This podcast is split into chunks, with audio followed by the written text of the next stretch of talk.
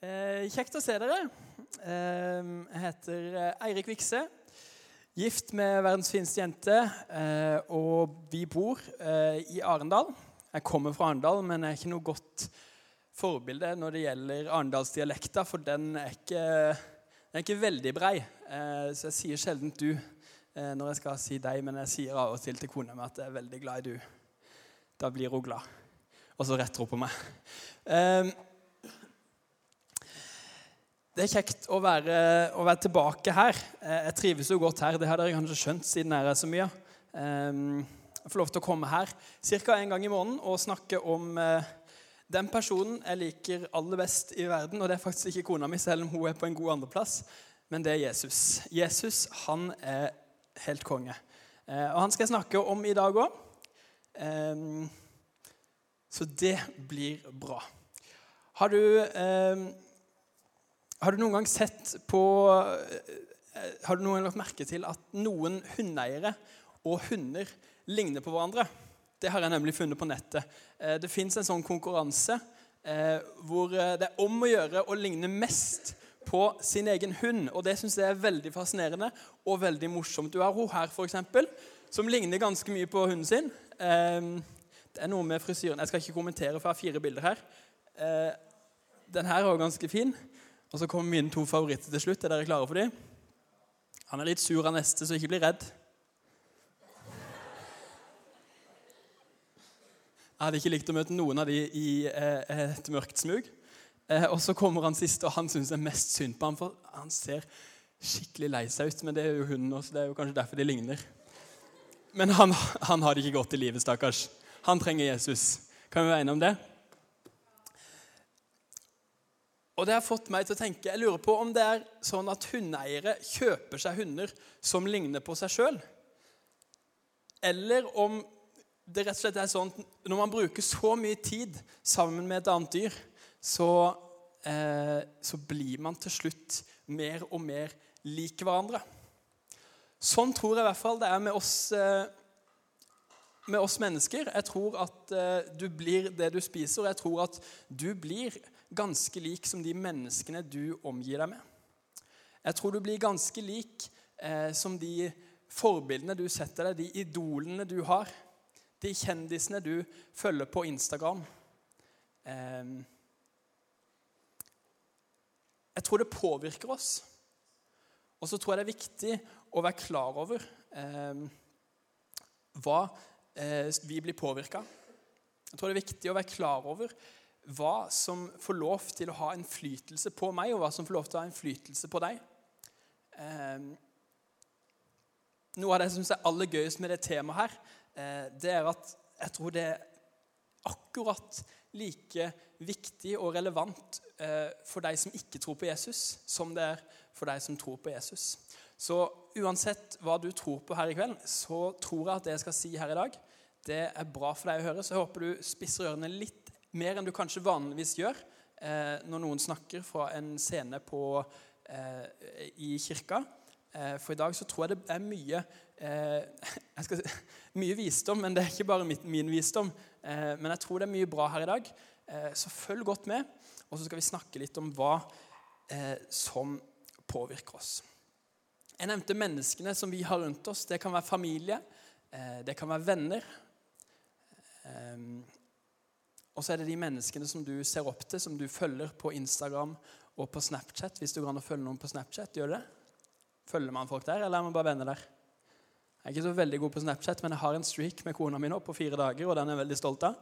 Um, men, uh, men jeg tror de vi følger, de påvirker oss. Og så tror jeg ikke alltid det er positivt. Og så tror jeg vi blir påvirka av det vi ser på. Av TV-serier, av ting på nettet, av ting vi hører på.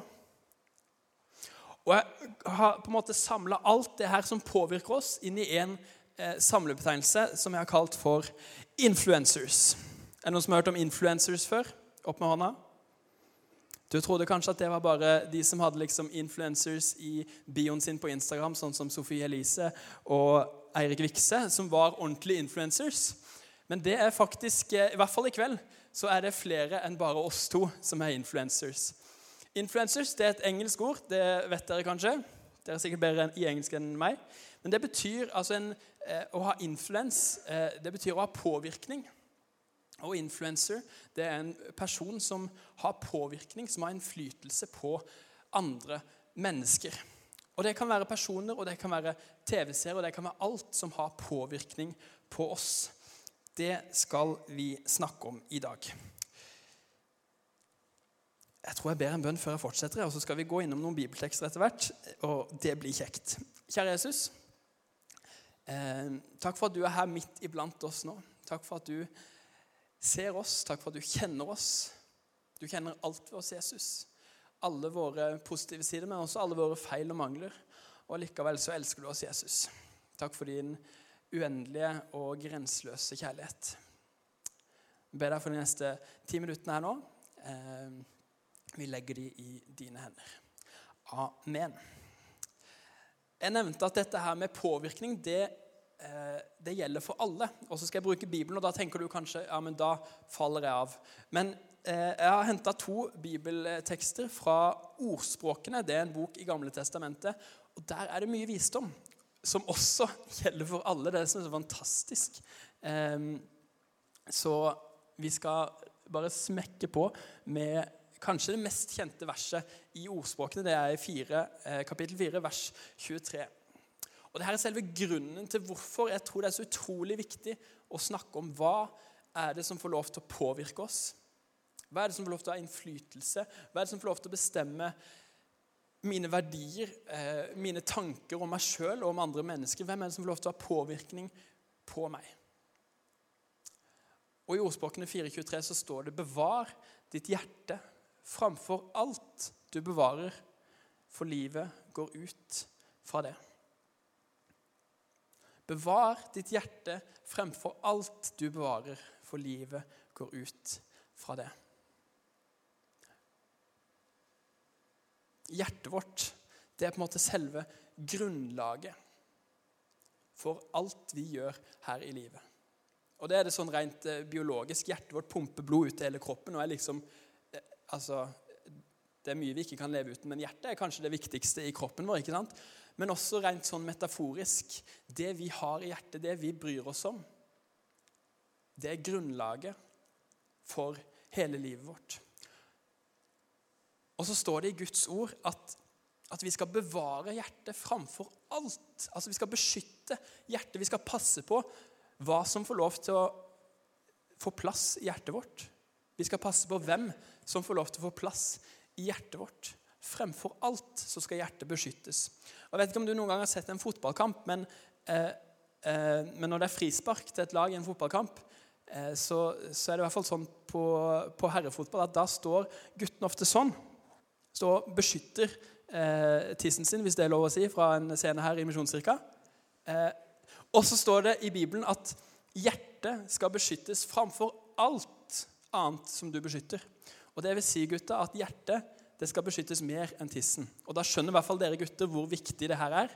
Ok, Kan du nikke hvis du skjønner viktigheten, hvor seriøst dette er? Du skjønner det, Thomas? Ja?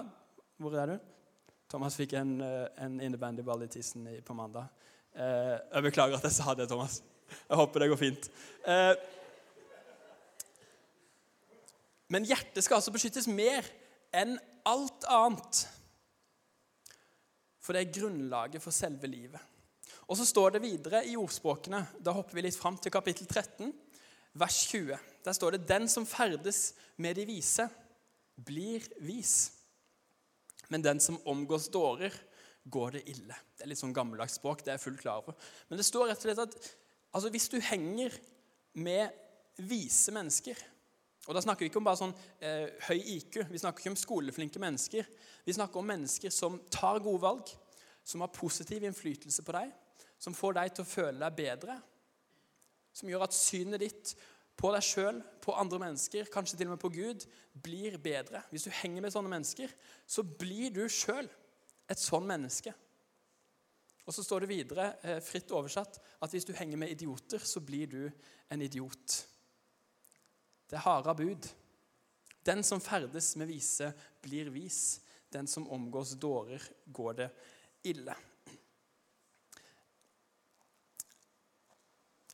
Jeg skal ha liten, et lite bilde på det her nå. Jeg håper dere er klare for det. Men jeg har så sykt lyst på litt solo. Ikke sant? Er det noen som kan kjenne seg igjen i det? Solo, det er digg. Var det bra? Jeg klarte å snu bildet på PowerPoint. Var det kult, forresten? Sånn at det ser ut som det helles inn i munnen hos. Kan dere gi en applaus til det mens jeg åpner korkene?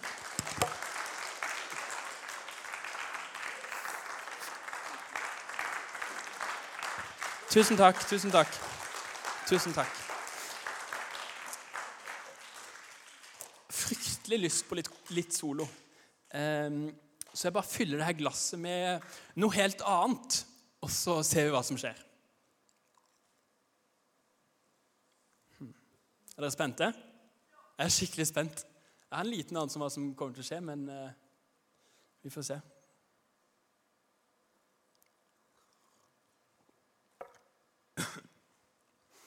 Gjett hva det smakte. Det smakte cola. Det er helt riktig. Vet du hva?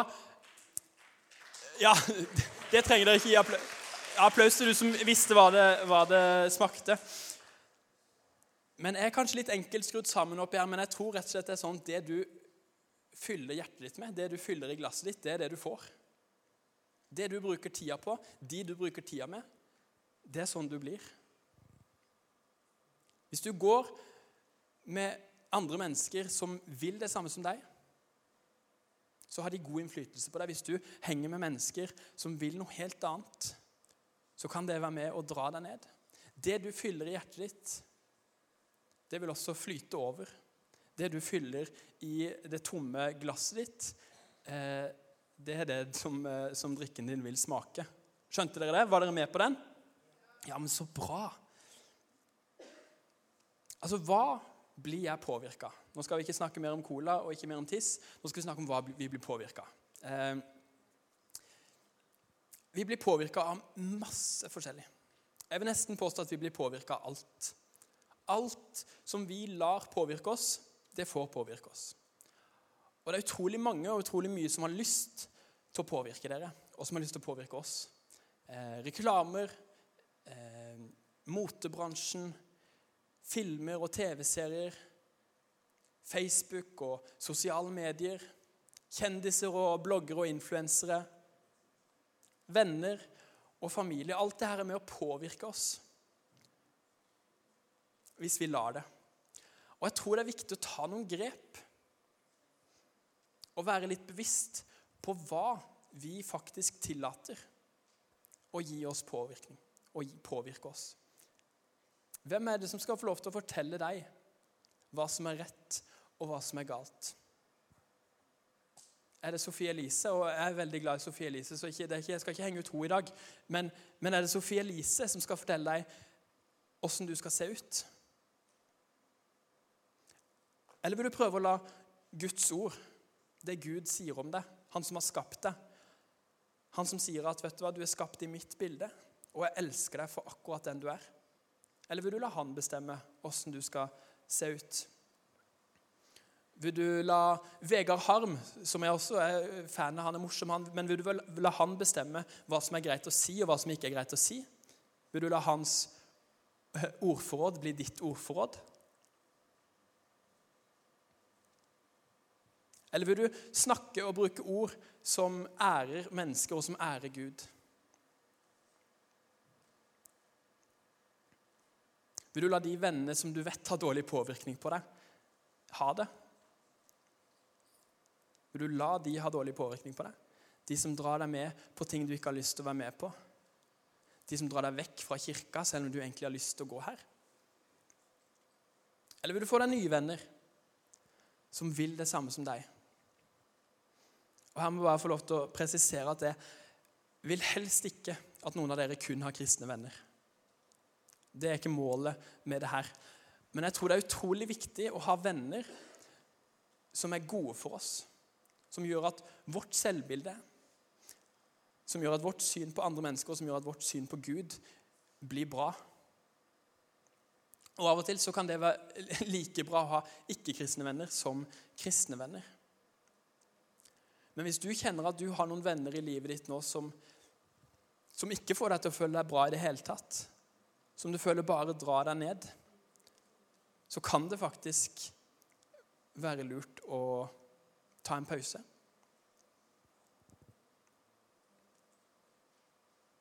Vil du la Guds ord